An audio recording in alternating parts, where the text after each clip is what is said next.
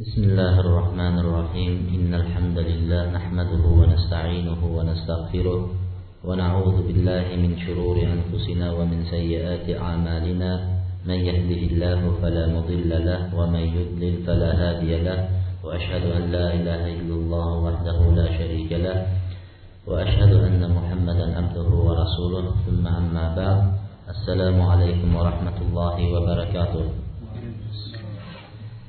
bugun alloh subhanahu va taoloning fazli bilan shanba kunlik islom odoblari darsiga jamlanib o'tiribmiz.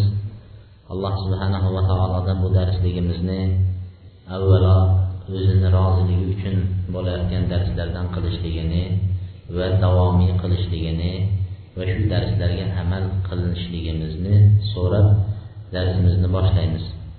Bu darslik ramazon oyidan keyingi oyda birinchi marta ya'ni endi boshlanayotganligi uchun ko'p kishilar xabari bo'lmadi.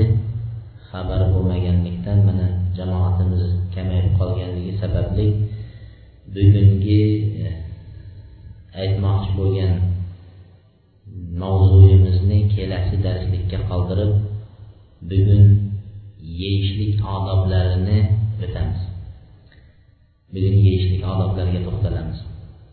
Chunki islom shariati bizga barcha odoblarni o'rgatgan. Yahudlar musulmonlarga savol berganda sizlarni dininglar biror narsani tashlamagan ekan payg'ambaringlar hamma narsani o'rgatgan deganlarida shunda bu musulmon kishi javob berib aytganki hatto tahoratxonaga qanday kirishlik va tahoratxonada qanday o'tirishgachayin bizni dinimiz payg'ambarimiz bizga ta'lim berdi deganlar. Shuning uchun har bir narsani o'z odobi bor. Biz yemoq odobiga buni boshqa bir oxirgi darslarga to'xtatamizmi degan bir maqsadda e, qoldirayotgan edik. Ammo bugun odamlarni kamligini sababi bilan shu odobni o'tib yuborganimiz ham yaxshi bo'ladi. Ko'p ommiy xalqni qo'yib turaylik. Ahli ilmlarimiz degan darslarga qatnashib yurgan birodarlarni ichida ham yeyotgan vaqtida bir qarab kuzatib turadigan bo'lsangiz chap qo'llari bilan yeyishadi. Yeyish odobiga mutlaq ahamiyat qilmaydi. Shuning uchun biz yeyish odobiga ham to'xtalamiz. Unga payg'ambar sollallohu alayhi vasallam to'xtalib o'tganligi uchun bizni to'xtalishligimiz ham yaxshi bo'ladi. Keyin yeyishlik bu kundalikda uchraydigan narsa. Bu ham bir kunda uch marta to'rt marta balki undan ham hozirgi kunlarda odamlar nima qilyapti? Ibodatdan ko'ra ko'proq yeyishga harakat qilyapti. Ibodat kamroq qilsak ham ko'proq yeb olsak degan maqsad bo'lib qolgan. Hozir qayerga borsangiz yeysiz. Shuning uchun arablar bu diyorlarga kelgan vaqtida aytishgan ekanki sizlarda nima narsadan taajjublandingiz deganda aytishgan alayhissalom nima narsadan taajjublandingiz? Bizani shaharlarda sizni qiziqtirgan narsa nima bo'ldi deganda dasturxon degan ekan. Chunki degan sizlarda bir yezilib qo'ysa degan kech payt yig'ishtirib olar ekan degan dasturxonni turaverar ekan ya'ni ko'p yer ekansizlar deganda. E, shuning uchun bizlar juda ko'p yeydigan xalq bo'lganligimizdan odobini ham o'rganib qo'ysak yaxshi bo'ladi. Yeyishlik odoblari uch qismdan iborat bo'ladi. Yeyishdan oldingi odoblar yeyishdan oldin va yeyotgandagi odoblar ikkinchisi. Uchinchisi yegandan keyingi bo'ladigan odoblar. Uch qismdan iborat. Yeyishdan oldingi bo'lgan odoblar bir odam taomga yeyishlik uchun kelib o'tirgan vaqtda birinchi odobi yaxshi niyat bilan yeyishlik. Bu aksariyat odamlarni hayoliga ham kelmaydi nima uchun yeyayotganligi qorni ochib ketganligidan yeydi. Ba'zilar ovqat vaqtida pishirilmasa yana bu yeyish odob niyat bu yoqda tursin baqirib yuboradi. Nimaga ovqat tayyor emas deb baqirib yuboradi? Shu yeyishga kelgan vaqtda inson nima qilishlik? Solih yaxshi niyatni qanday yaxshi niyat bilan yeydi? O'sha birinchi niyati alloh subhana taolo menga halol rizqni topishni nasib qildi. Allohga shukur bo'lsin. Va shu rizqni halolni yeb mana shuni yeb badanim ozgina kuch quvvat olsa shu bilan allohga yana bir ibodat qilsam shukrona qilsam degan yaxshi niyatni ergashtirib qo'yadi. Yaxshi niyatni ergashtirib qo'yadi. Ikkinchi odoblari taharri aklal halal. Inson yeyotgan vaqtlarida halol yemishni halol taomlarni izlanib halol narsani yeyishga harakat qilish kerak. Shubhalik narsalardan haromdan albatta cheklanadi. Shubhalik narsalardan ehtiyot bo'lish kerak.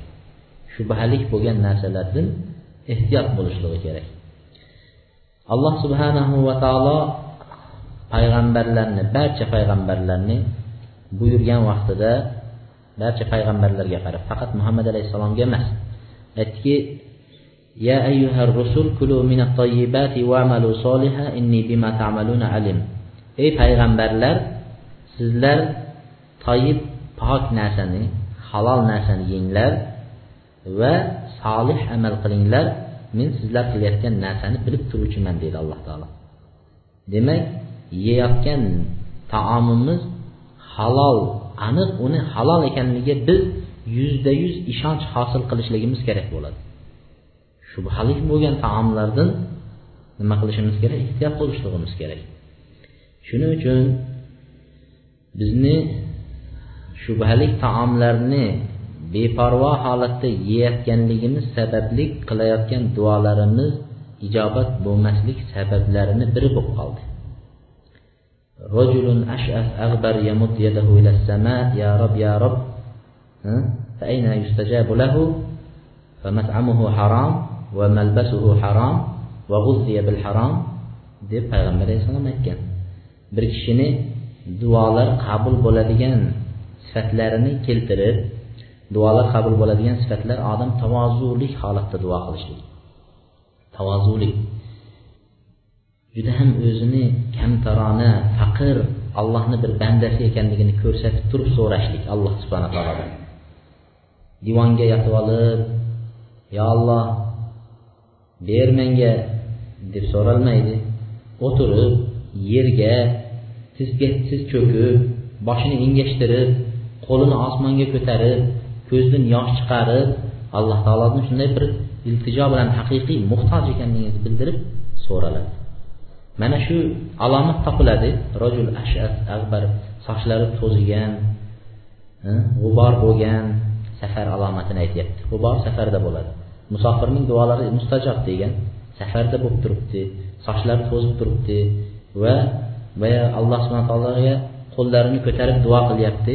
Bu ham duo bo'lib qabul bo'lish alomati chunki inson qo'lini allohga ko'tarib duo qilsa alloh subhana taolo uni bo'sh qaytarishdan uyaladi degan hadisga binoan qo'lini osmonga ko'tarib duo qilyapti va ya rob ya rob deb allohni ismi bilan nima qilyapti? Qaytarib qaytarib duo qilyapti. Ba'zi bir hadislarda sanadida agar zaif bo'lsa ham agar kim to'rt marta ya rob ya rob ya rob ya rob deb duo qilsa albatta alloh taolo unga beradi degan. Shuni nazarda tutgan holatda bu hadisda shuni keltiryapti. Shu barcha duolar qabul bo'ladigan sabablarni qildi bu banda. Barcha duolar qabul bo'ladigan sabablarni qildi. Lekin deydi payg'ambar alayhissalom buni duosi qabul bo'lmaydi deydi. Nima uchun deganlarida matami yeyotgan joyi taomi harom. Kiyayotgan kiyimi haromdan topib kiysa va bu nima?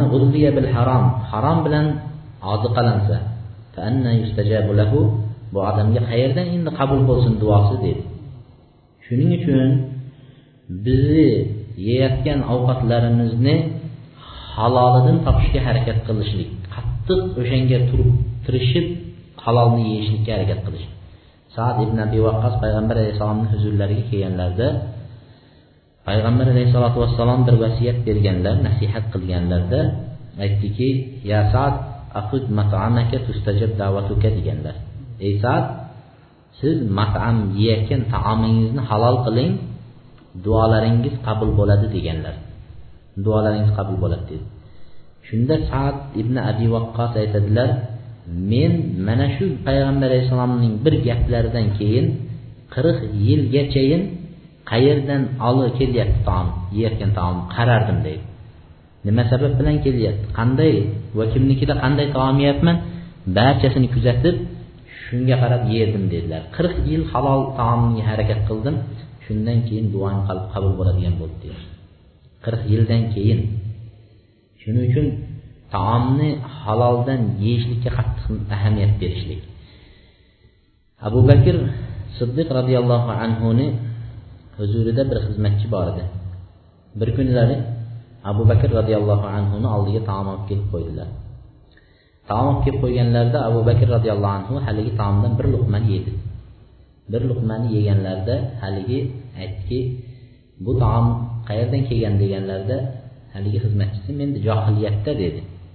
Johiliyat davrida men folbinlik qilardim dedi.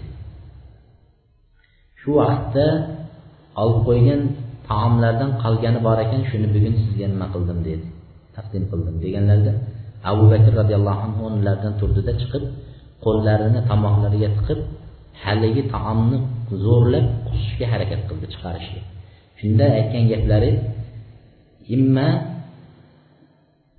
lataxruj yoki sen chiqasan yoki jon bilan qo'shilib chiqasan deyapti qo'lini chiqib qusayotgan vaqtlarida qayt qilganlarida taomga aytardiki qiynalib ketganligidan yo albatta seni chiqaraman yoki jon bilan qo'shib bo'lsa ham chiqarib tashlayman degan.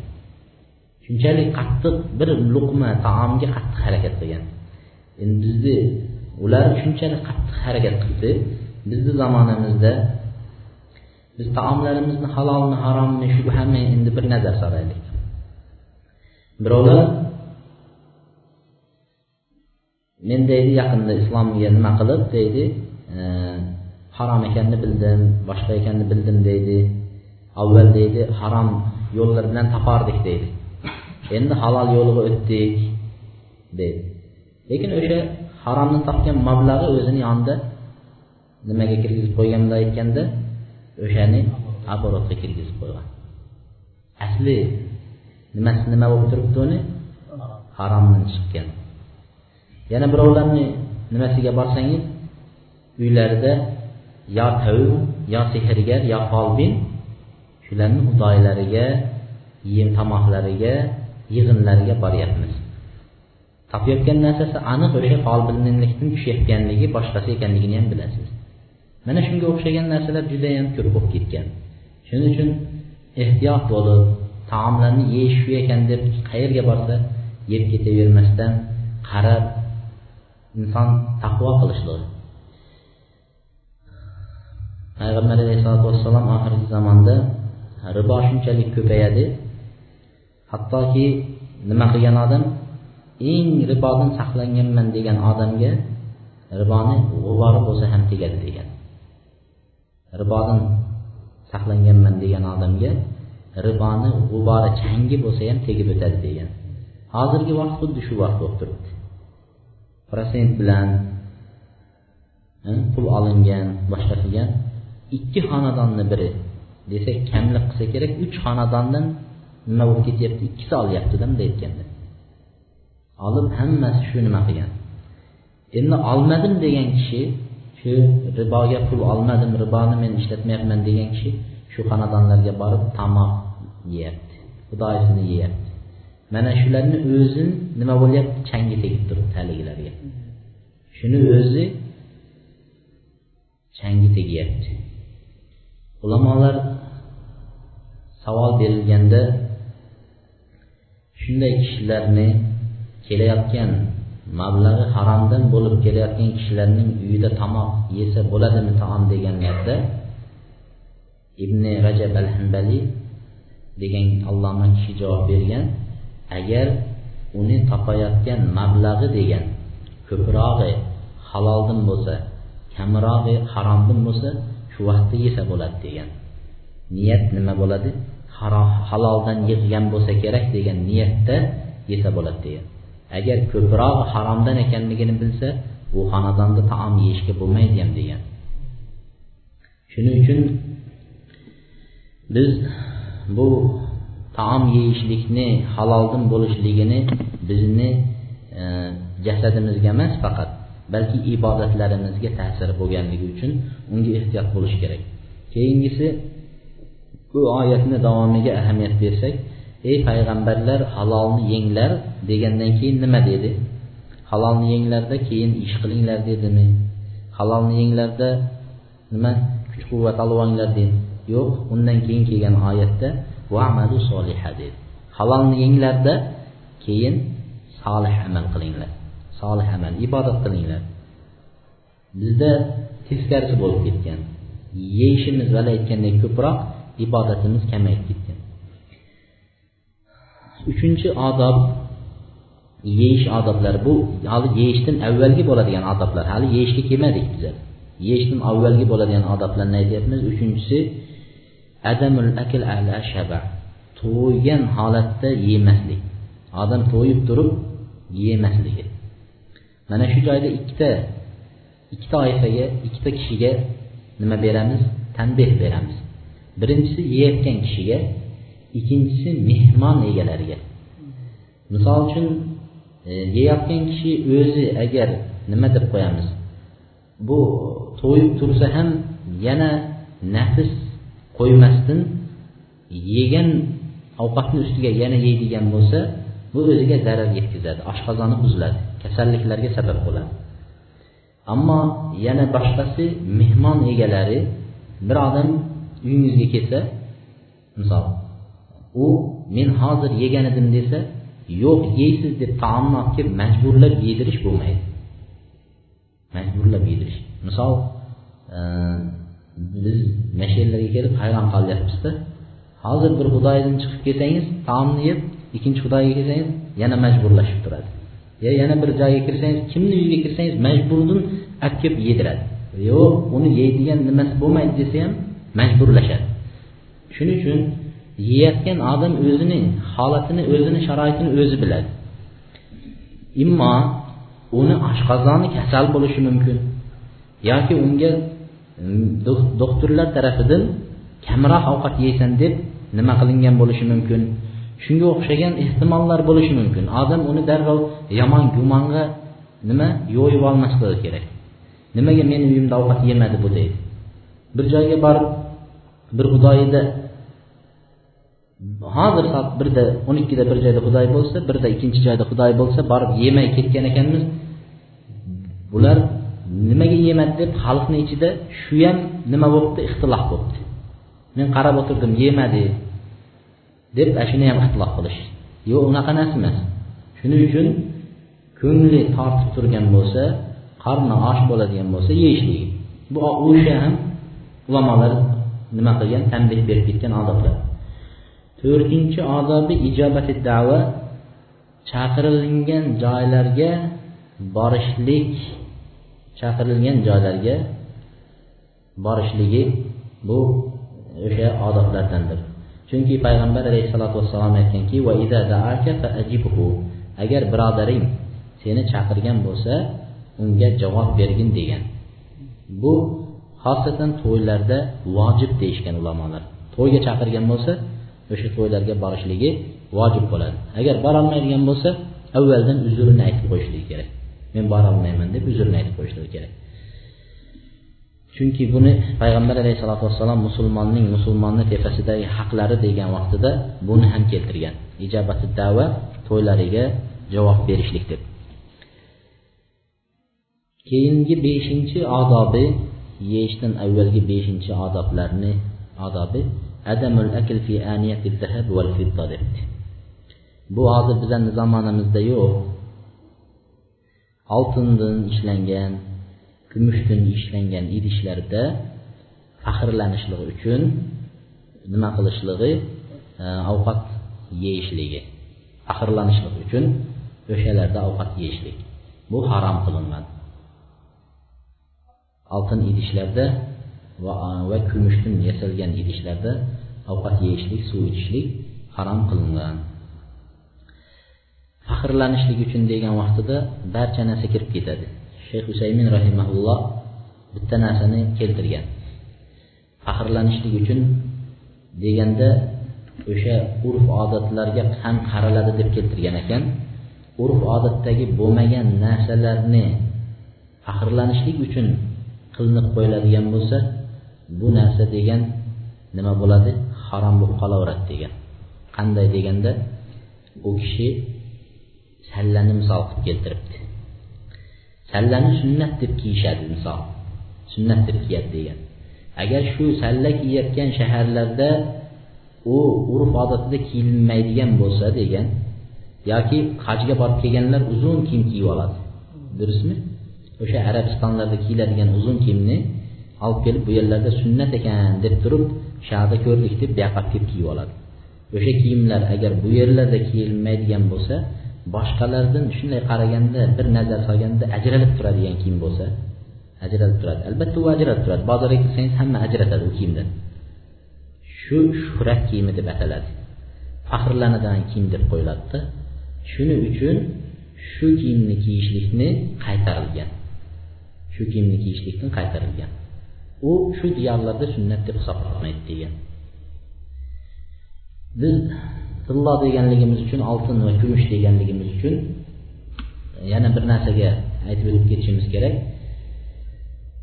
Mening ummatimning oltin va kumushlar oltin mening oltin dedilar oltin meni ummatimning erkaklariga harom qilindi va ayollariga halol qilindi degan.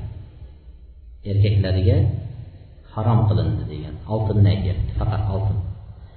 Shuning uchun bu ko'p odamlarni qo'llariga qarasak erkaklar qo'llariga tillo uzuk taqishgan. Mana shu uzuklar harom qilingan. Payg'ambar sollallohu alayhi vasallam bir sahobiyni qo'lida tillodan bo'lgan bir uzukni ko'rdi. Shunda aytdiki seni qo'lingda jahannamdan bir cho'g'i bo'lishligini yaxshi ko'rasanmi? deganlarida yo'q dedilar. Unda buni yechib tasha dedilar yechib tashladilar.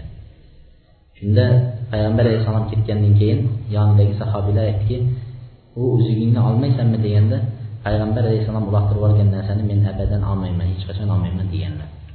Shuning uchun bu tillo uzuk taqishlar harom hisoblanadi. Erkaklar uchun.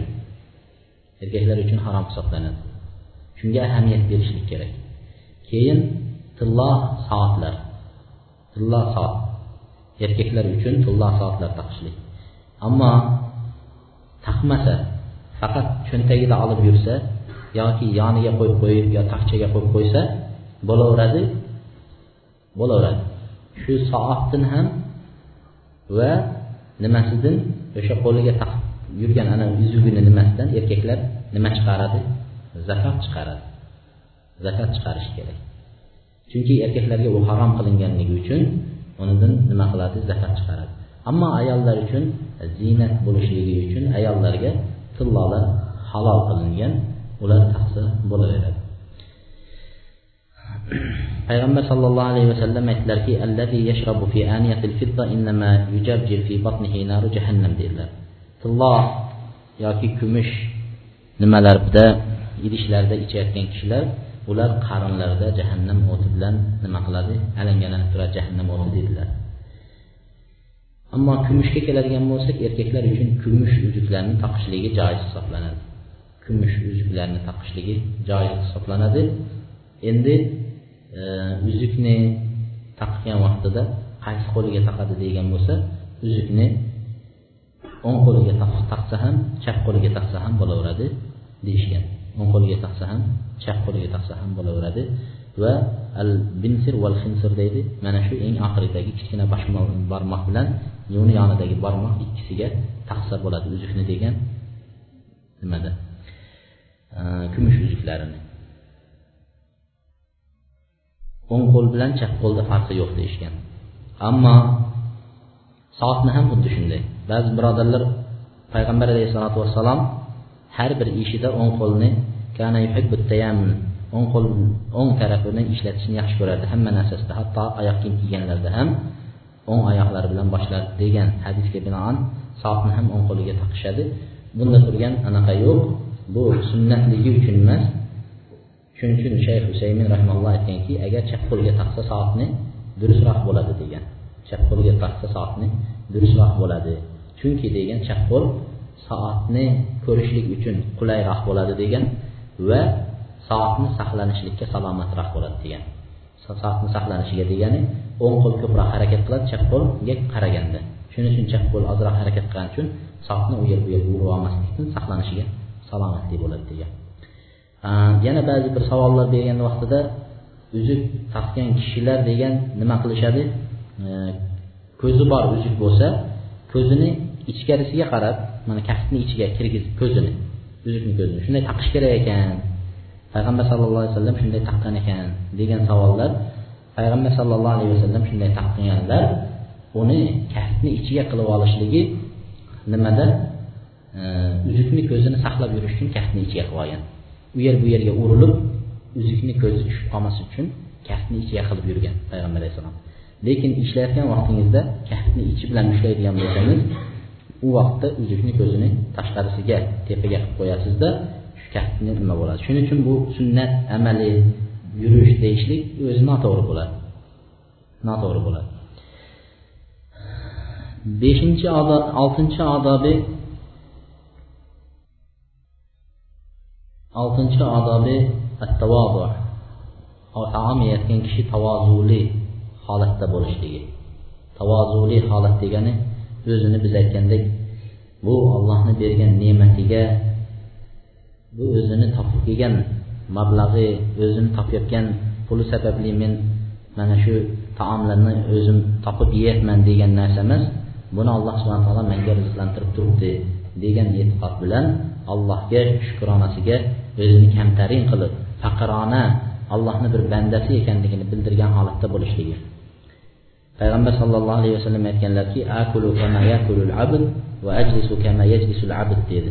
Men qullar yeganga o'xshab yeyman va qullar o'tirganga o'xshab o'tiraman dedi. Misol uchun qul o'zini sayyidini oldida o'zini xo'jayinini oldida qanday o'tiradi?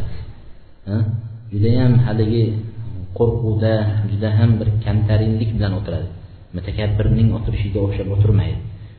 Alloh subhana taoloni bergan noz ne'matini oldida xuddi shunaqa tavozulik bilan inson o'tirib yeyishligi kerak. payg'ambar sallallohu alayhi vasallam aytdilarki innalloha avha ilayya an tavadau hatta la yafkhar ahadun ala ahad va la yabghi ahadun ala ahad alloh subhanaa taolo menga vahiy qilib aytdi deydi. Menga vahiy qilib aytdiki sizlar bir birlaringlarga tavozulik bo'linglar birov birovning tepasidan faxrlanmasin. Birov birovni tepasidan faxrlanmasin va birov birovga zulm qilmasin deb dedilar. Shuning uchun tavozulikka buyurgan bu hamma vaqtda inson tavozu bo'lishligi kerak. Har bir vaqtda inson nima bo'lishligi kerak? Tavozulikda bo'lishligi kerak. Biz shunga buyurganmiz buyurilinganmiz chunki kimni qalbida zarracha misqol zarracha misqolcha degani o'sha zarracha nima? Kibr bo'ladigan bo'lsa jannatga kirmaydi degan. Kibr bo'lsa jannatga kirmaydi degan. Nimaga? Shu kibr o'zingizni boshqadan ustun ekanligingizni bildirishga harakat qiladigan narsa shu kibr bo'ladi. Boshqadan yo yeyayotgan taomingizda boshqadan ortiq yeyman kiyinishda boshqadan ortiq kiyinaman minayotgan mashinamda boshqadan ortiqroq mashina minaman men yoki bo'lmasa meni uyim boshqanikidan ortiqroq shunga o'xshagan har bir narsada kibr kelaversa oxiri borib turib o'zingizdan pastroq odam aytsa uni aytgan haq kalimasini qabul qilmaysiz. Sizga noto'g'ri adashgan vaqtingizda shu qilayotgan narsangiz noto'g'ri sunnatga hadisga to'g'ri kelmaydi desa shu kibr sababli o'shani aytayotgan hadisni va oyatlarni qabullamay qo'yasiz. Va hadis oyatlarni qabullamaslik sababli inson nimaga aylanadi? Jahannam egalaridan biriga aylanib qoladi. Shuning uchun qabul qalbida zarra chakibri bo'lgan odam jannatga kirmaydi deydi. Ammo tavozulik esa bu payg'ambarlarni sifatlari. Payg'ambarlarning sifatlari. Payg'ambar sollallohu alayhi vasallamni yana bir hadisda keltirgan yo sunan abu dovudda yoki termiziyda keltirgan hadisda ma akala nabiy sollallohu alayhi vasallam ala ham deganlar. Payg'ambar sollallohu alayhi vasallam deganlar nimada?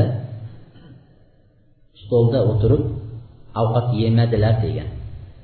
Shuni shayx abbod rahim e, hafizahulloh e, sharh bergan vaqtlarida payg'ambar alayhissalotu vassalom buni yemasliklarini sababli o'zini mutavozu ekanligini ko'rsatib shuning uchun yemadi dedilar.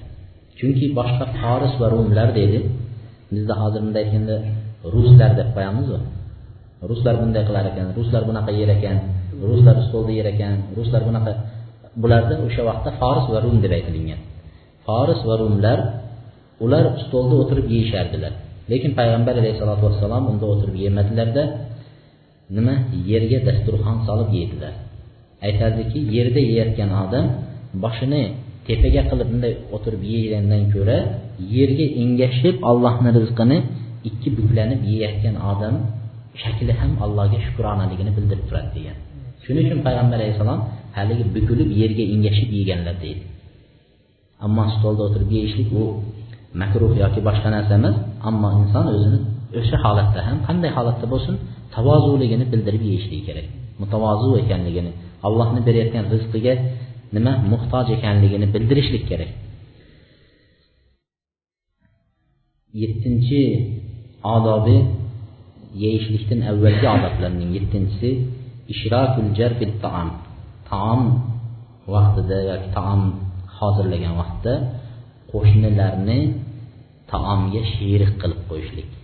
Qo'shnilarni taomga sherik qilish. Mana shu sunnat amallari yo'q bo'lib ketgan bizni diyorlarda bir odam agar hozir qo'shningizga ovqat olib chiqsangiz nima bo'ldi deydi. Ko'pab kelyapsanmi deydi qo'rqib ketadida taom ko'tarib chiqsangiz. Ammo kam. Avvallari ko'p bo'lgan avvallari ko'p bo'lgan o'sha taomni qo'shnilariga olib chiqishlik. Payg'ambar sallallohu alayhi vasallam bir hadislari bor. Lekin bizlar o'sha hadisdan judayam g'aflatda qolganmiz. Man la yu'minu man man bata vajaruhu fi janbihi ji'a deganmi? Vallohu alam shu ma'noda kelgan. Sizlarni qo'shninglar osh bo'lib turib sizlar qorninglarni to'ydirib uxlagan kishi mo'min emas degan hadis kelgan. Sizlarni qo'shningiz osh bo'lib turib siz qorningizni to'q qilib turib uxlagan kishi bu mo'min emas degan. Shuning uchun shu vaqtlarda nima qilinadi? Qo'shnilarga qattiq ahamiyat berilgan. Biz inshaalloh qo'shnilik haqqi degan odob qo'shni odoblariga kelganda uni zikr qilamiz. Biroq qo'shni payg'ambar sollallohu alayhi vasallam aytdilarki jibril alayhissalom kelib nima qildi? Qo'shniga yaxshilik qilishni qayta qayta ta'kidlab vasiyat qilaverdilar qilaverdilar. Hattoki merosxo'r bo'lib qolar ekanmi deb o'yladim deganlar. Hatto o'sha merosimga ham sherik merosga ham sherik bo'ladi ekan deb o'yladim degan. Qo'shnining haqqi shunchalik darajada islomda shariatda nima qilingan ta'kidlangan. Endi bir kishini bilardim. Biz o'qib yurgan vaqtlarimizda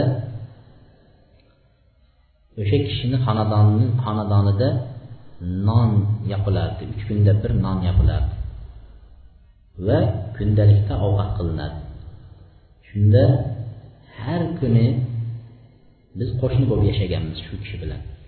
Har kuni farzandi ovqatdan olib keladi. Non yopilgan kuni tandirdan chiqqan issiq nonni ko'tarib keladi. Kelib tepamizda qarab turardi. Mana shuni ichinglar va mana nonni yenglar deb. Biz haligi kishini oldida hijolat bo'lib ketavering biz yeymiz desak aytadiki meni dadam shular ichganidan keyin taomga og'iz tegaman. Ular ichmay turib men taom yeyishligim bo'lmaydi. Shular yeganidan keyin yeyman deb yemaydi. Men shuni ko'rganligimni guvohligini berishim kerak derdi. Biz haligi taomni yeganimizdan keyin borib dadasiga aytardi dadasi undan keyin yerdi. Shunday odamni guvohi bo'lganmiz bizlar lekin bizlarni shundan boshqa odamni men guvoh bo'lmadim yoki ko'rmadim. Qo'shni bo'lib yashaganda shunday bo'lgan. Qo'shni bo'lib yashaganda shunday bo'lgan.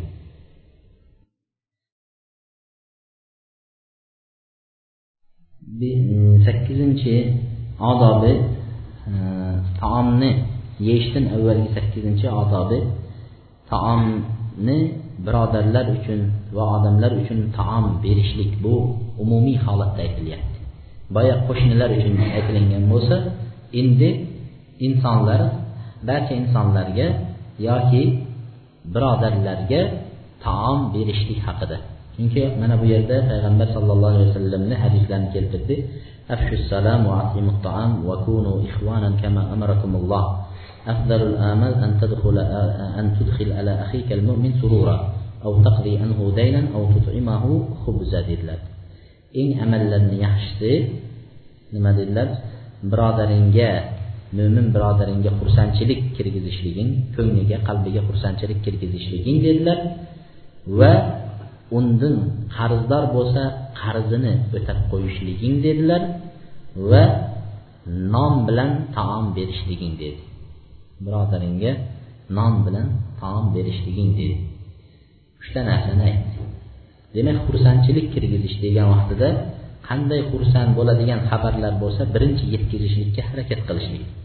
Birinchi yetkazishlikka harakat qilishligi ikkinchisi qarzini o'tab qo'yish degan narsa bizda u narsa bo'lmaydi. Qarzini o'tab qo'yishlik degan narsa. Biz inshaalloh uni birodarlik odoblari degan mavzuda birodarlik odobi degan mavzuda o'tamiz.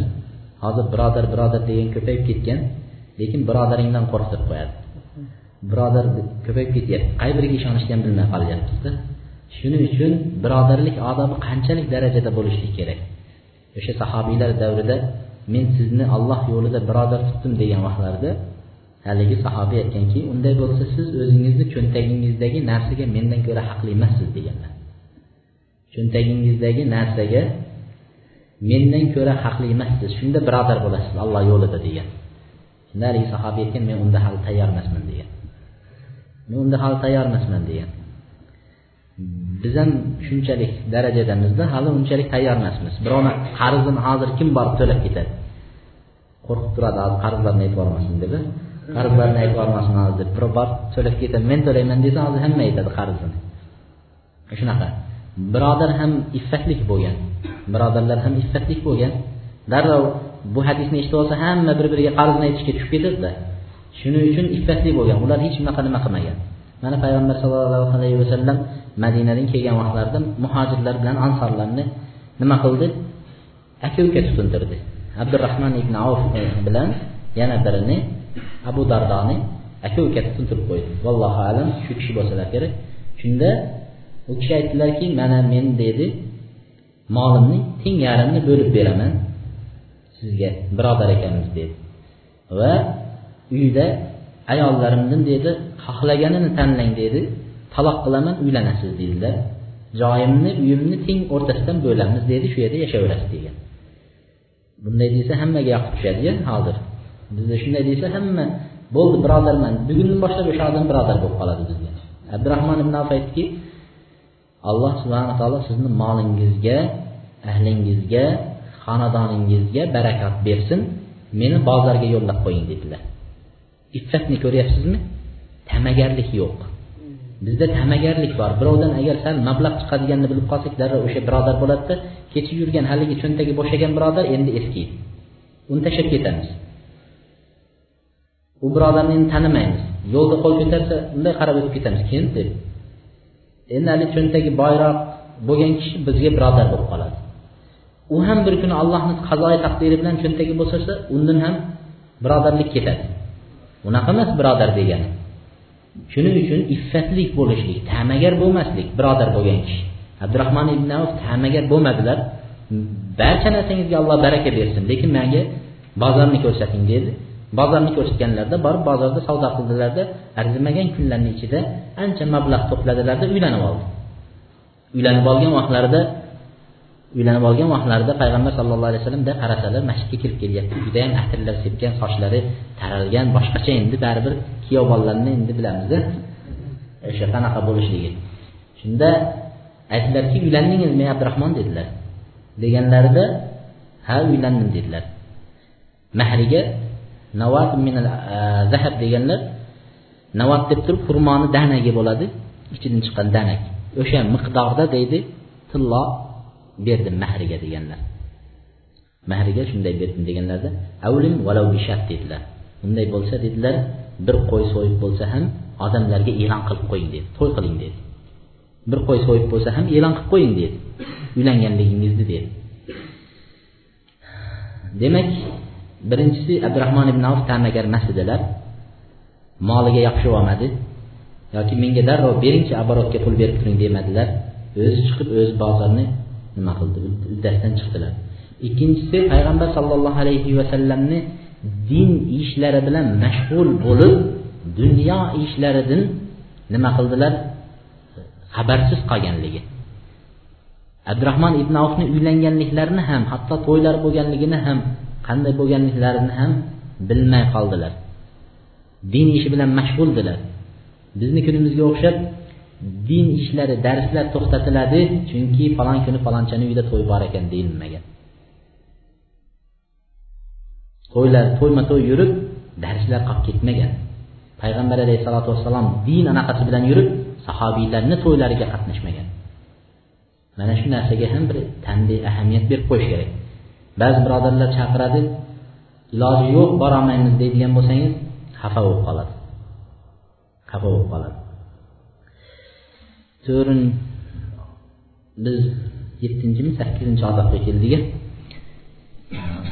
to'qqizinchi odobi adamil isrof. O'sha yeyilayotgan taomni isrof qilmaslik. Alloh subhanahu va taolo va kulu vashrabu va la tusrifu innahu la yuhibbul musrifin. Yenglar ichinglar isrof qilmanglar. Alloh subhanahu taolo isrof qiluvchilarni yaxshi ko'rmaydi deydi. Endi ikkinchi nima? Odoblarni ikkinchisi haligi nima vaqtida? Yeyayotgan vaqtidagi odoblar. Biz yeyishdan avvalgi odoblarga to'xtadik. Endi yeyayotgan vaqtda taom yeyayotgan vaqtdagi odoblar. Taom yeyayotgan vaqtdagi odoblarni birinchisi bir taom bir idishda yeyishlik. Misol uchun taomlarni bir idishga jamlab yeyishga imkoniyat bo'lsa bir idishga jamlagani yaxshi bo'ladi. Masalan siqilib ketamiz. Bo'lib bo'lib olib kelganimiz yaxshi deydi. Ba'zi joylarda misol uchun odatda osh taom nima qilinadi? Bir katta laganchada tortiladigan bo'lsa ba'zi joylarda kasaga solib tarqatadi. O'sha narsa yaxshi emas o'zi. Nimaga? O'sha katta bir idishga besh olti odam bo'lsin o'n odam bo'lsin jamlanib bitta idishda qo'llarini bitta nimaga tiqib yeyilsa unda baraka bo'ladi. Payg'ambar alayhissalotu vassalom aytganlarki sahobiylar payg'ambar alayhissalotu vassalomga shikoyat qilib kelgan. Taomlarni yegan vaqtda kifoya qilmayapti taom ozliq qilyapti kamlik qolyapti deb shikoyat qilib kelganlarida payg'ambar alayhissalom aytdilarki ala taamikum alayhi yubarak lakum fihi deb. Sizlar taomga jamlanib yenglar. Bitta nimaga idishga solib jamlanib yenglar. Va yeyotgan vaqtinglarda yeyishdan avval bismillah deb allohni ismini zikr qilinglar. Alloh subhana taolo sizlarga taominglarga barakat beradi dedilar. Ikkinchi odoblari taom. Yeyishdan avval qo'lni yuvishlik. Taom yeyishdan avval qo'lni yuvishlik. Bu avvalgi ulamolar taom yeyishdan avval qo'llarini yuvishganlar lekin bu yerda bu sunnat amalmi yoki sunnat amal emasmi taomni qo'lni e, nima yeyishdan avval yuvishligi yeyishdan keyin yuvishligi sunnat lekin yeyishdan avval yuvishligi deganlarda yo'q buni agar degan qo'lda iflosligi bo'ladigan bo'lsa yoki qo'l bir e, o'zi qo'lini nimasiga yuvilganligiga shubhada bo'lsa yo boshqa bo'lsa u taomdan avval qo'lni yuvishligi mustahab amal bo'ladi degan. Lekin qo'lni avval yuvib kelgan bo'lsa taomni tepasiga kelganda yana qo'lni qaytadan yuvib o'tirishligi nima emas? Mustahab emas bu deyishgan. Mustahab emas degan. Agar odamlar bilan so'rashgan bo'lsa misol uchun keyin kelib turib agar yuvsa bo'laveradi. Odamlar bilan so'rashganligi uchun boshqa agar boya qo'llariga odamlarni qo'llaridan biror nima shubhalangan bo'lsa iflos bo'ldi boshqa bo'ldi degan narsada shunda qo'lini yuvib qo'ysa bo'laveradi. E, uchinchisi deydi. Uchinchi odobi taom yeyotgan vaqtda taomlar albatta issiq holatda kelinadi shu taomni issiqlab yemasdan ozgina kutishlik deydi. Chunki taom sal sovutilinsa unda baraka bo'ladi dedi payg'ambar sallallohu alayhi vasallam aytdiki innahu adamu lil baraka dedi sovutilgan taom barakali bo'ladi. Chunki haqiqatdan ham issiq taomni yeganingizdan keyin taom qayerga ketganini o'zingiz bilmay qolasiz. Issiq taomni yegandan keyin. Shuning uchun ozgina sovutilsa taom barakali bo'ladi deganlar. Keyin ikkinchidan issiq taom yeyotgan vaqtda payg'ambar alayhissalom qaytargan nima qilishlik? Taomni puflab yeyishlik purkab yeyishlik. Har olgan odamlarni ko'rasiz taomni oladida purkab turib taomni sovutib og'iz bilan nima keyin uni yeydi. Bu narsadan qaytarilganmiz. Chunki u og'izdan chiqayotgan mikrob nimaga tushadi? O'sha qoshiqdagi taomga tushadi. Va u mikrobni qaytadan tashqaridan ichkariga yutishligimiz bilan nimalar paydo bo'ladi? Kasalliklar paydo bo'ladi. Shuning uchun payg'ambar sallallohu alayhi vasallam taomni puflashlikdan qaytarganlar. Endi sal o'zi o'rta holatga kelib sovigandan keyin yeyiladigan bo'lsa taom u vaqtda nima? Purkashga hojat bo'lmaydi. Ham barakali bo'ladi. Ikkinchisi taomni juda sovuq holatda yeyishlikdan ham qaytarilgan. Taom muzday turib yeyiladigan bo'lsa oshqozon bo'sh holatda osh holatda yeyilsa oshqozonni shamollatib qo'yishlik ehtimoli bo'lganligi sababidan taomni muzlay holatda yeyishlikdan qaytariladi. Demak taomlar nima? Yilitilgan holatda yeyiladi. To'rtinchi odobi adami tahqiri taom. Taomni tahqir qilmaslik taomdan ayb axtarmaslik. Bu kimda ko'p bo'ladi? Taomdan ayb axtarishlik. Erkaklarda ko'p bo'lmaydi. Qaynalarda ko'p bo'ladi. Qaynolar iloji bo'lsa ham taomni tuzi achchiq bo'lsa ham taomga tuz solmabsana deb qo'yadi. Ayb chiqishi kerakda tuz chiqib ketsa ham tuzi kam yo tuzi kam bo'lsa ham tuzi ish qilib kelinga bir ayb topib turishlik uchun kelinni tarbiya deydi bu. Tarbiya qilish uchun taomdan ayb axtaradi. Taomdan ayb axtarmaslik kerak. Boshqa narsalar bilan ta'lim tarbiya bersa bo'laveradi. Lekin xosatan taomga ayb qo'yishlikdan qaytarilganmiz chunki deydi bu birinchidan sunnatga xilof amal. Payg'ambar alayhissalotu vassalomni aytadilarki وكان صلى الله عليه وسلم لا يعيب طعاما قط إذا اشتهاه أكله وإن كرهه تركه payg'ambar alayhissalom biron marta taomni ayblamadilar agar ishtahasi bo'lib tursa yedilar agar ishtahasi bo'lmasalar yemadilar degan taomni shuning uchun taomni bizlar nima qilmasligimiz kerak ayb axtarmasligimiz kerak taomni aybini axtarmaslik kerak bu birinchisi sunnatga xilof bo'ladi ikkinchisi allohni bergan ne'matini inkor qilishlik alloh shu ne'matni beribdi shunga shukur shukur qilib yeyverish kerak lekin uni nima qilmaslik kerak ammo ta'lim bobidan nimada bo'ladi misol uchun e, mana shu nimalar ochyapti e, kafelar ochayotgan odamlar boshqalar. Shu yerda taom berayotgan taom ishlayotgan odamlarni ta'lim uchun yo boshqa uchun taomni bunday ishla unday ishla deb turib o'rgatishligi mumkin bo'ladi. U ta'lim bobidan u ayb axtarishlik taomni ayb axtarish hisoblanmaydi. Taomdan ayb axtarishlik hisoblanmaydi. Beshinchi odobi taom yeyotgandagi beshinchi odobi zikrullohi taala inda taom taom yeyotgan vaqtda alloh subhanahu va taoloni zikr qilishlik.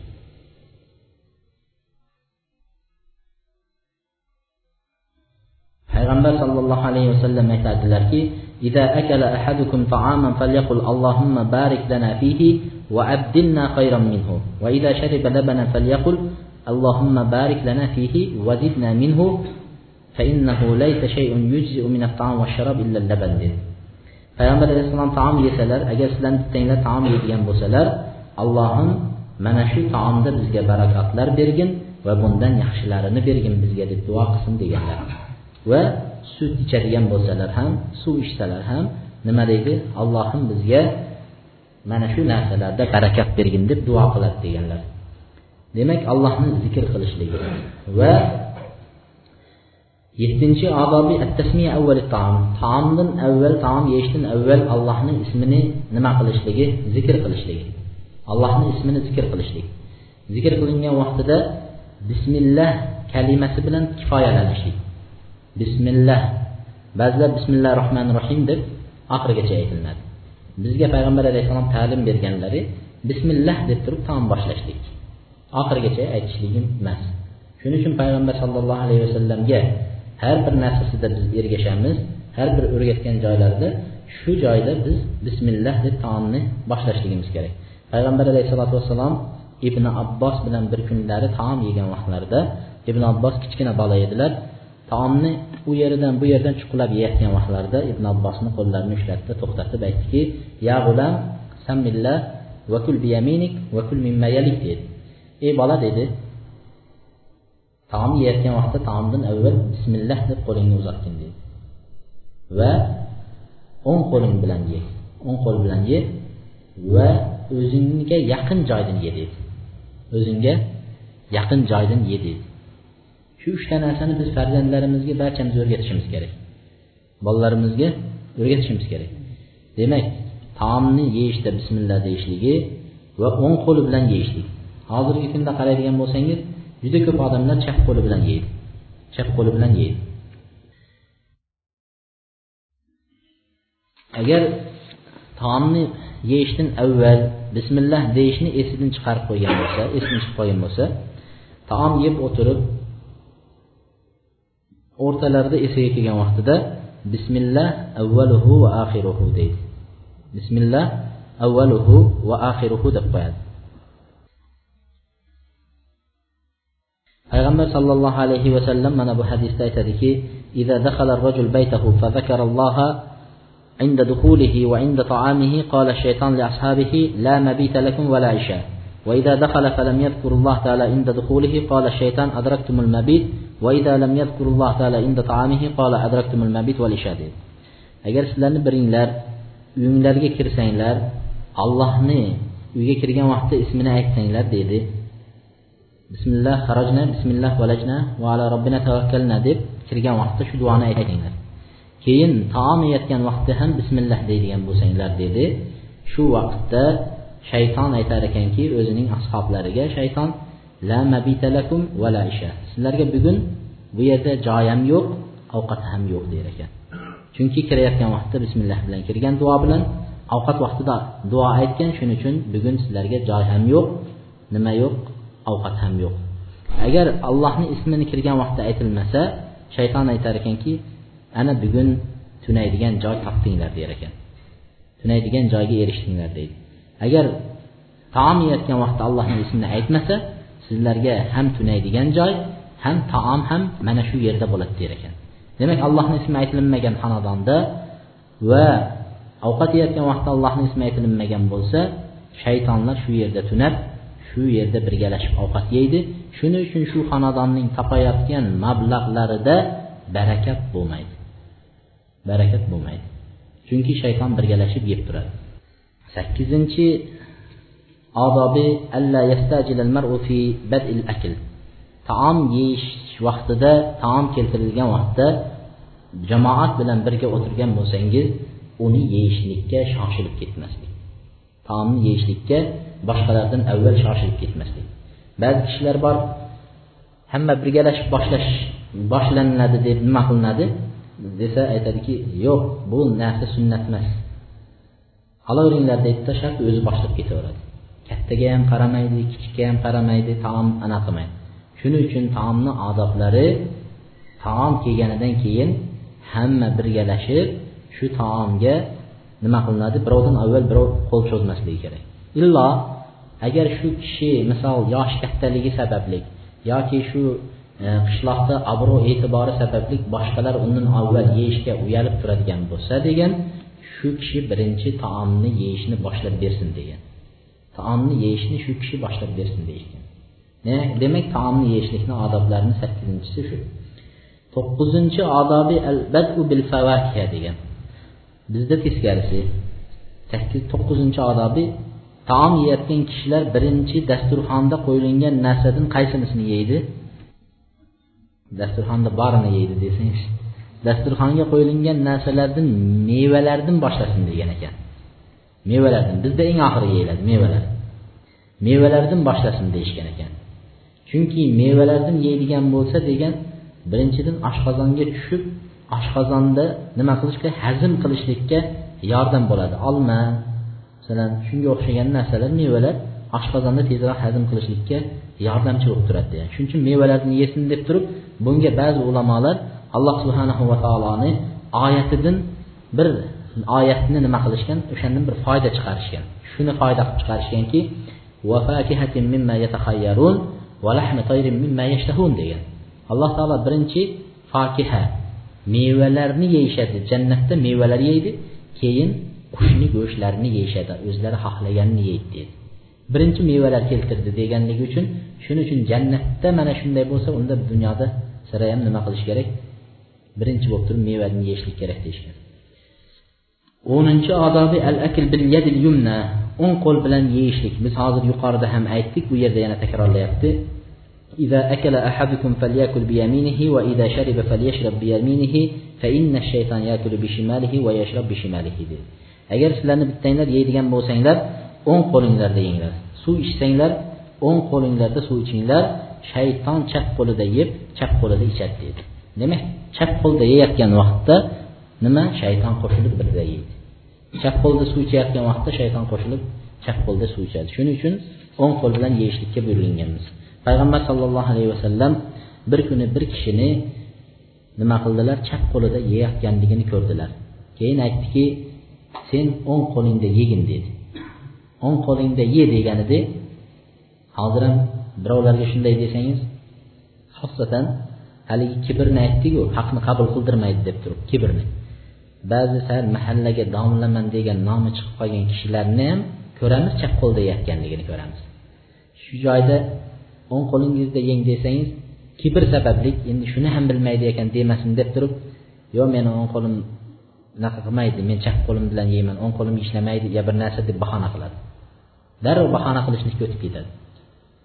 Payg'ambar alayhisalotu vassalom shu kuni bir kishiga aytdiki o'ng qo'lingiz bilan yeng chap qo'l bilan yemang degan edi men o'ng qo'lda yeyolmayman ya rasululloh dedi. Yolg'on gapirdi. Kibr sababli yolg'on gapirgan edi payg'ambar alayhissalom aytdiki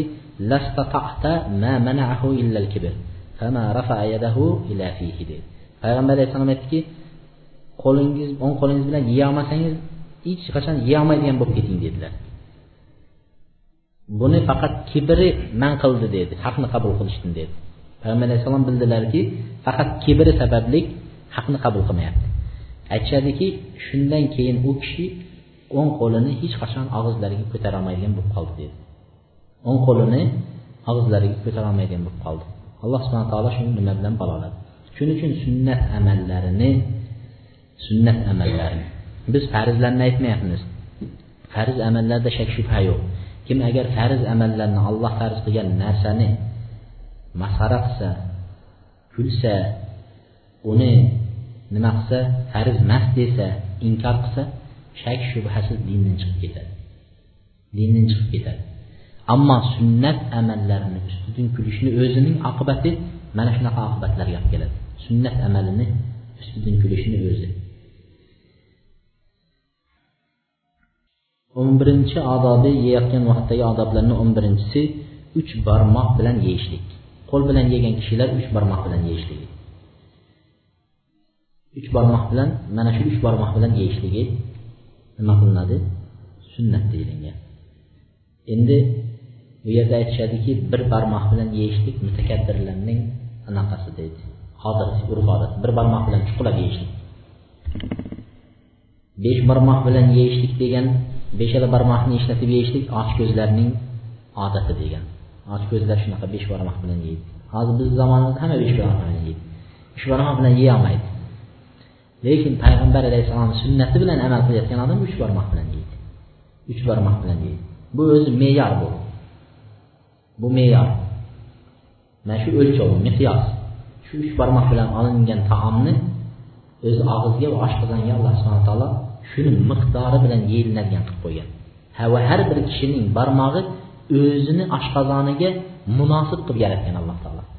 Katta kishining barmog'i bilan kichkina gavdasi kichkina odamni oshqozoni to'g'ri kelmaydi. Shuning uchun har birini o'zini oshqozoniga olinayotgan taom borib tushib hazm bo'lib ikkinchi taom yana nima bo'lib? Yeb shu taom ikkinchisi kelgunchayin oshqozon haligini ishlab chiqarib ikkinchisini qabullashga tayyor bo'lib turadigan daraja qilib qo'ygan.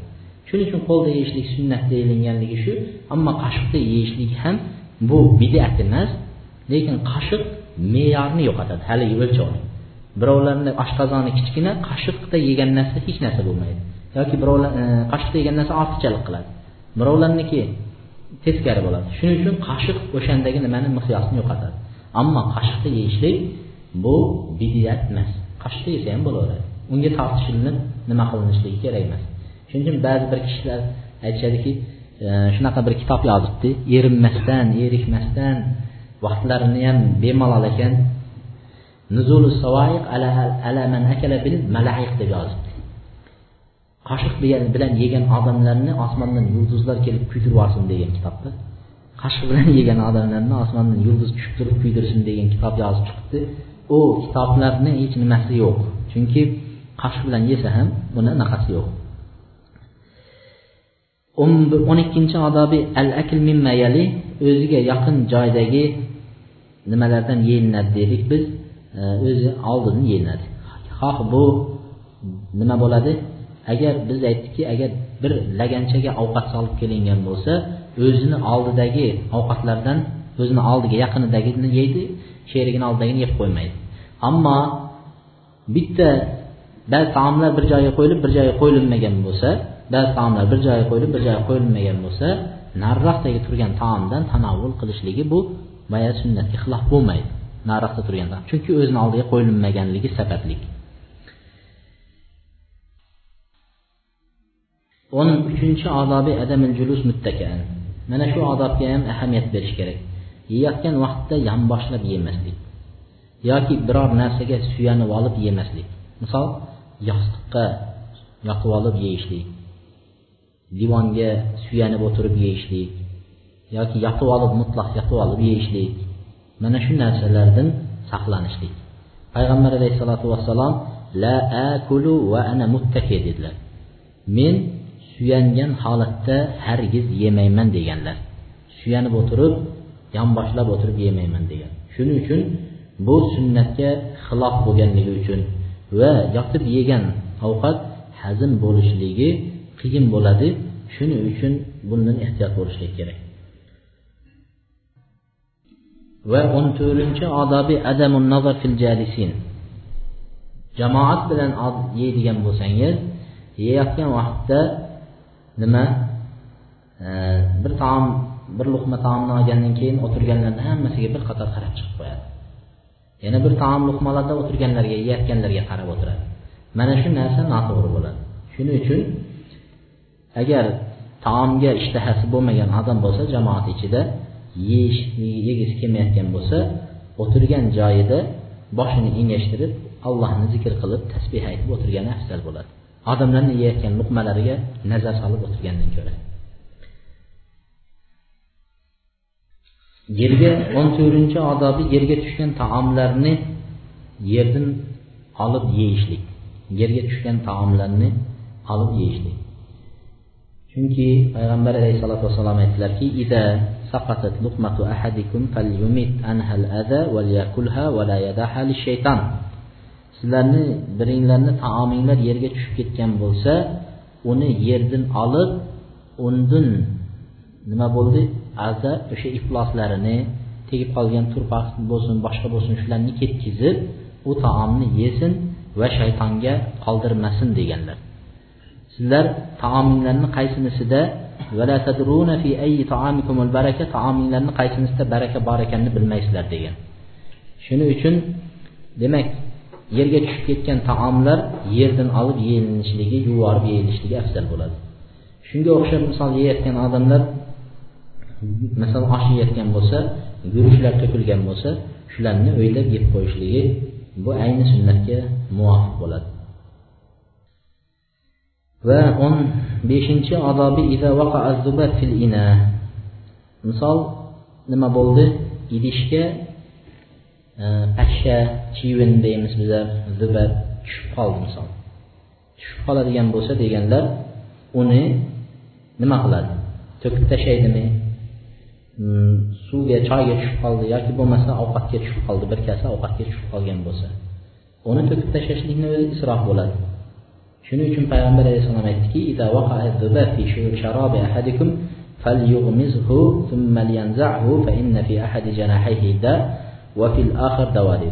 agar tushib qolsa dedilar uni yanayam dedilar unday bir botirib olsin dedilar.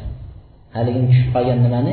Bir botirsinda keyin olib tashlasinda ovqatini ichaversin yoki choyini ichaversin chunki uni bir qonatida kasallik olib yuradi dedi. Pashshalar bir qanotida kasallik olib yuradi va ikkinchi qanotida o'sha kasallikni shifosini ko'tarib yuradi dedilar.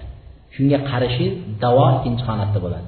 Shuning uchun qaysi qanoti u nimaga suv ovqatga yoki choyga tushganligini bilmaganimiz sababidan ikkalasini tiqib olsak demak ham kasallik bilan uni davosi bir biriga nima bo'ladi tenglashib ketadi degan ma'noda shuni aytilgan. Shuning uchun e, isrof qilmaslik uchun ovqatlarni katta qozonga masalan tushib qolgan bo'lsa o'shanday qilib bir tiqib olib turib tashlanib yuboradi ammo endi kichkina choylarga suvlarga tushib qolgan bo'lsa tabingiz totmagan bo'lsa uni to'kib tashlashlik u nima bo'lmaydi? Ba'zilar yo'q sunnatda shunday qilish kerak ekan shuni albatta qilasiz degan narsani mahkam turib oladi.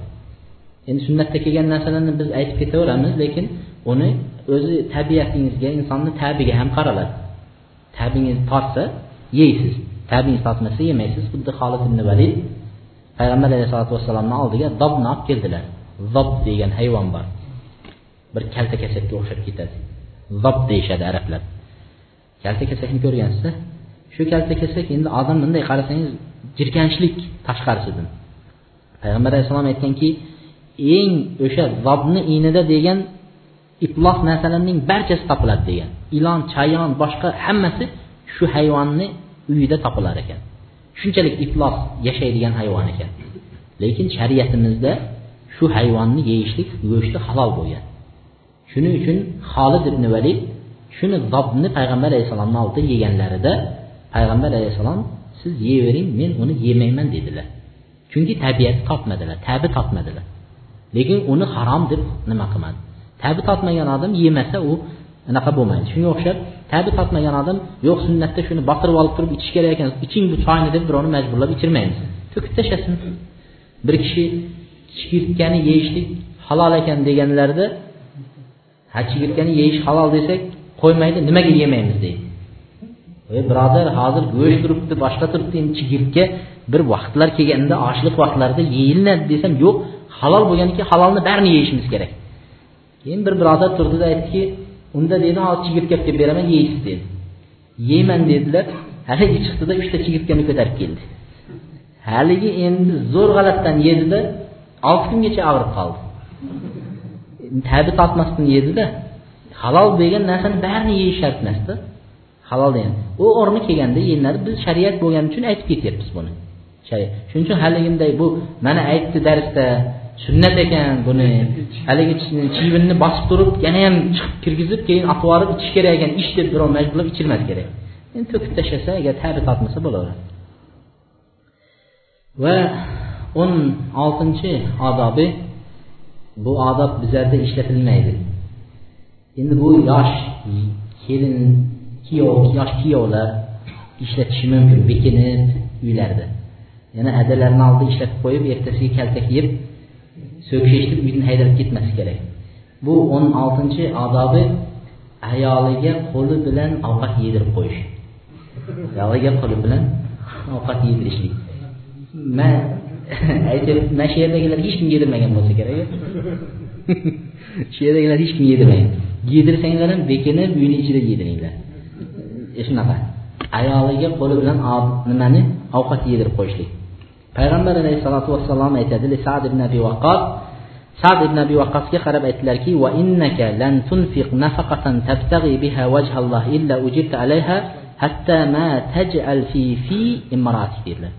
Siz biron bir nafaqani kichkina bo'lsa ham allohni yo'liga infoq ehson qilsangiz shu nafaqangizga ajr savob olaverasiz. Hattoki qo'lingiz bilan olib ayolingizni og'ziga qo'ygan luqmangizni ham alloh yo'lida nima qilsangiz savob ajrini umid qilgan bo'lsangiz o'sha narsaga ham nima qilasiz dedilar? Savob olasiz dedilar. Ha odob tugamaydi. Shu yeyishni odobi shuncha ko'pda o'zi. Shuning uchun bizlar yeyveramiz odobini bilmaymizda. Odobsiz yeymiz. Endi itar o'n yettinchi odobi yeyotgan vaqtdagi odoblarda endi o'n yettinchi odobi isar isar degani nima degani? Birovni shu taom bo'lsa eng afzali eng sizga yaqinligi turgan bo'lsa shuni birodaringizni oldiga qo'yasizda birodaringizni oldida misol sizni oldingizda qozi qarta shashlik turgan bo'lsa birodaringizni oldida shaftoli qaqib turgan bo'lsa nima qilasiz? Uni uni oldiga qo'yib uni oldidagi narsani o'zingizni oldingizga olasiz bizda onani bu yoqqa surib yuboringchi deymiz. Birodarni oldidagini bu yoqqa surib yuboringchi deb aytamiz. Durustmi? Ifar. Ya'ni o'zingizni oldingizdagi turgan yaxshi taomni birodaringiz yesin deb turib shunga surib qo'yishlik. Balki u yoningizdagi o'tirgan ovqatga sherik bo'lgan odam bir necha vaqtlardan beri go'sht yemagandir. Balki bir necha vaqtlardan beri yaxshi taom yemagandir. Shuning uchun biz uni bilmaganligimiz sababli oldimizdagi yaxshi qo'yilgan taomlarni birodarimiz yonimizdagi sherigimizga surib qo'yishimiz nima bo'ladi? Sunnat bo'ladi. Bir kishi rasululloh sollallohu alayhi vasallamni huzurlariga keldilar. Masjidda o'tirgan edi payg'ambar alayhissalom.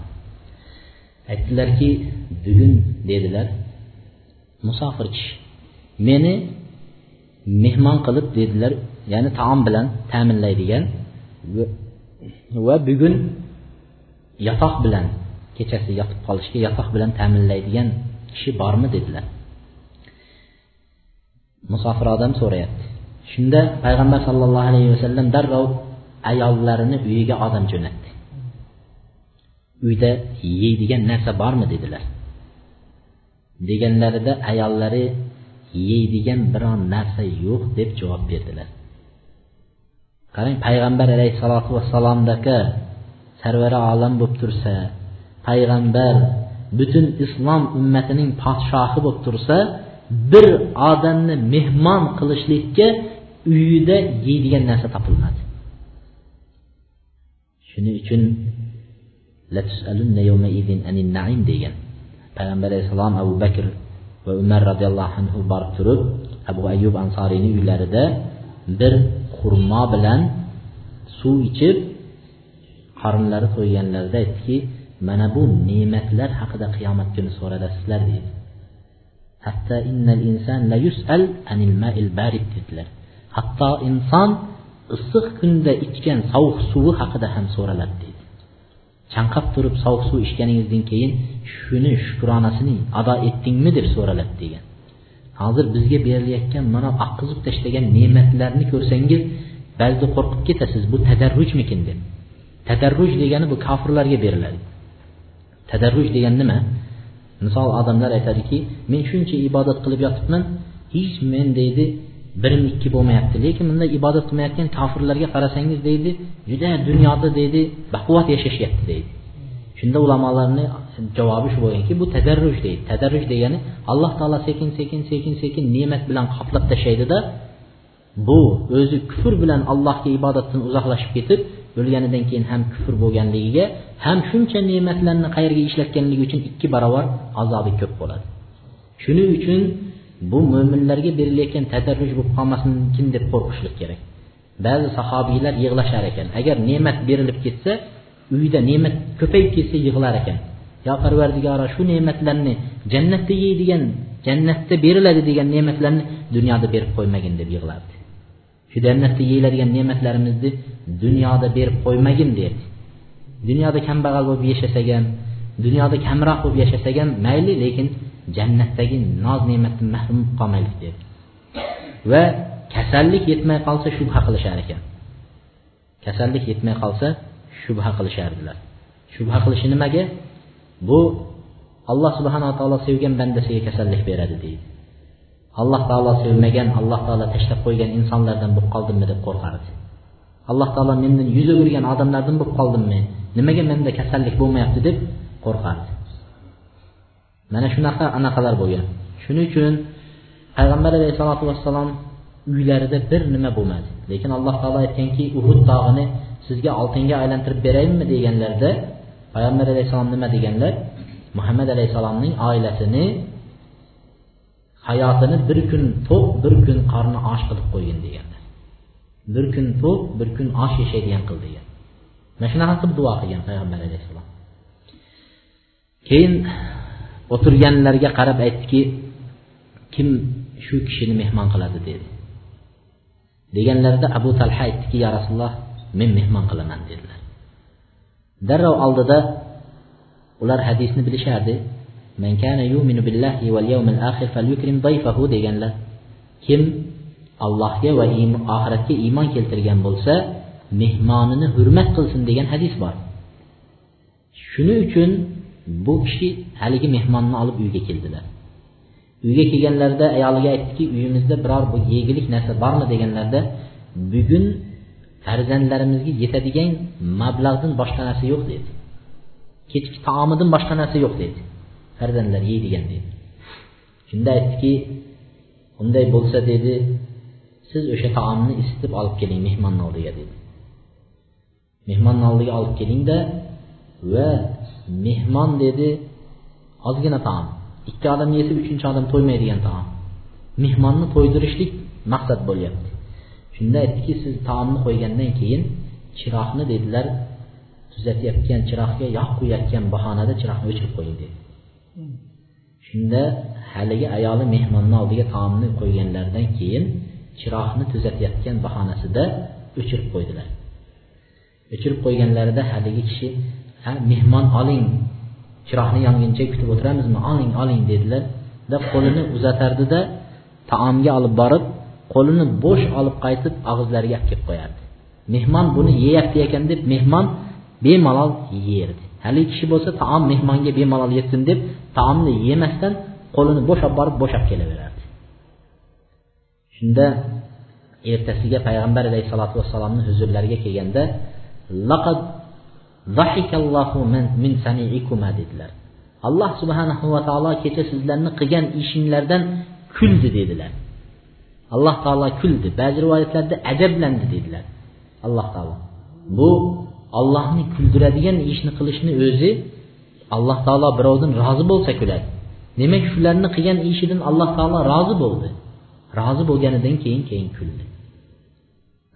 Alloh taolo kulib turgan bo'lsa birovga g'azab qilmaydi. Alloh taolo ko'rib turgan bandasini jahannam bilan azoblamaydi.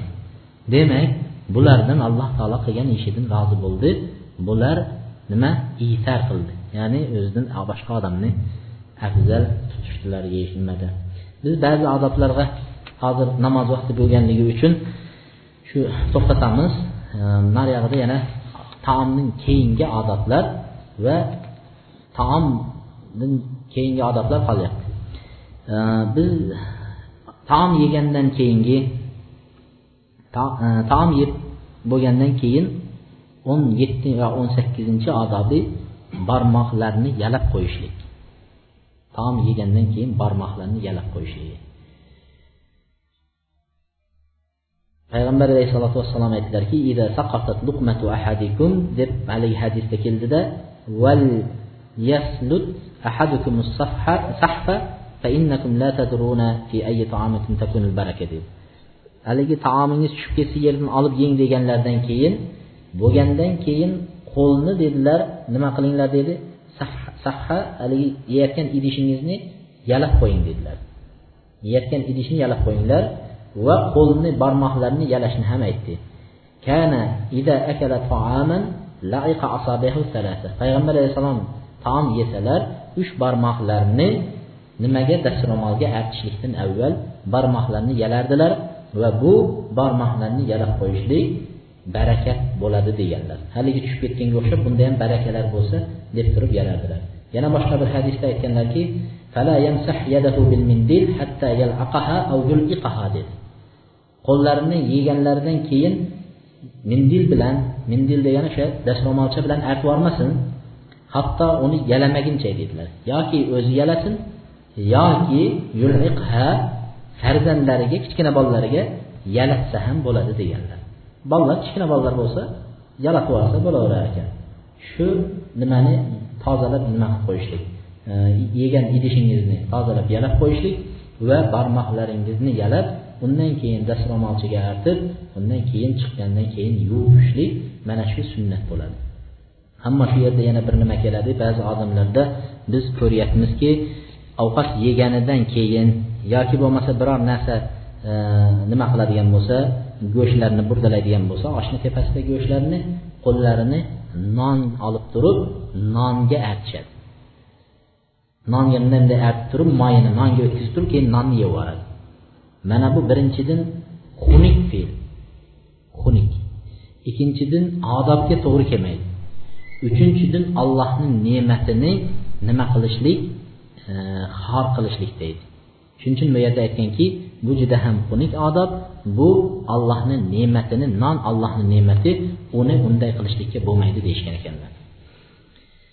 Biz taomdan keyingi odobni bittasiga to'xtalib qo'ya qolamiz. Taom yegandan keyingi odobni bittasi. Shu bilan yana qaytib bu darsga ikkinchi marta qaytib o'tirmasligimiz uchun taom yegandan keyin odam bir duo aytib qo'yishligi kerak. Bu yerda ko'p duolar kelgan taomdan keyin. Yoki kim taom yesa keyin alhamdulillahillazi at'amani hada taom va razaqanihi min g'ayri havlin minni va la quwwa. Mana shu taomni menga alloh taolo nima? Ne'mat qilib bergan allohga hamdu sanolar bo'lsin. Men kuch quvvatsiz ya'ni men qiynalib yurmasdan alloh taolo buni menga rizqlantirib berdi deb qo'ysa deydilar o'tgan gunohlari mag'firat qilinadi deydi. Subhanalloh alloh ne'matni bersa taomni ne'matini bersa uni yeyishlikni yana alloh nasib qilsa rizq allohniki bo'lsa bitta kalimani aytishimiz bilan shuncha gunohlar yana mag'firat qilinsa bundan ortiq alloh taolo rahmdil va mag'firatli zot bo'ladimi? Endi allohning shunchalik bergan ne'mati fazlini ko'ring. Yana ikkinchi yana boshqa duo bor. Bu agar kiysa deganlar xuddi shunday bir odam bir kiyim kiysalar deganlar kiyim kiyganda mana bu kiyimni alloh taolo menga kiydirgan zotga hamd sano bo'lsin. Buni mendan kuch quvvat talab qilmasdan menga rizqlantirib berdi desa deydi. Xuddi shunday nima o'tgan gunohlari mag'firat qilinadi deydi. Kiyim kiysangiz gunohingiz mag'firat qilinsa ovqat yesangiz gunohingiz mag'firat qilinsa tahorat qilsangiz tomchilari tomib tursa gunohingiz mag'firat qilinsa musulmon birodar bilan qo'l berib ushlashib salomlashsangiz barmoqlarni orasidan gunohlar mag'firat qilinsa alloh subhana taolo mag'firat egasi rahmdil egasi ekanligi ko'rinib turibdi alloh subhanahu va taolo payg'ambar alayhissalom aytadilarki إن الله لا يرضى عن الأبد أن يأكل الأكل فيحمده عليها أو يشرب الشرب فيحمدها عليه alloh subhana taolo bir bandadan rozi bo'ladi agar bir taomni bir luqma taom yesa alhamdulillah deb hamd aytsa bir qultum suv ichib alhamdulillah deb hamd aytgan bandadan alloh taolo rozi bo'ladi deydi.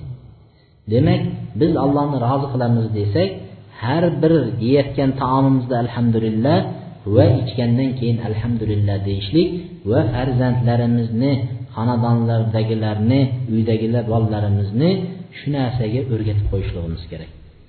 Keyin yana bir eng xunuk narsa. Eng xunuk narsa taom yeyotgan vaqtda allohni zikr qilib allohga iftixor bilan o'zimizni xor xoru zor ekanligimizni bildirib yeyish deydiga. Lekin bizlarda yomon odatga kirib qolgani yeyotgan vaqtda televizor qo'yib qo'yib yonboshlab yotib yeb shuni ko'rib yotadi. Hamdiga allohga maqtov aytishni o'rniga shuni tomosha qilib yotadi. Shu eng yomon xunuk narsa. Bu allohni shukronasi emas allohni g'azabini keltiradigan bir fe'llarni biri. Shundan ehtiyot bo'lishlik kerak. Alloh subhanahu va taoloni go'zal ismlari va buyuk sifatlari bilan mana bu darsligimizni o'zini roziligi uchun bo'lishligini va bizni har yeyotgan taomlarimizni ichayotgan ichimliklarimizda alloh taolo rozi bo'ladigan shu ichib yeyishligimizni o'zida ham alloh rozi bo'ladigan amallarni qilib qo'yishligimizni alloh taolo nasib qilgan bo'lsin. Subhanakallohumma va bihamdik. Astag'firulloh va atubu ilayk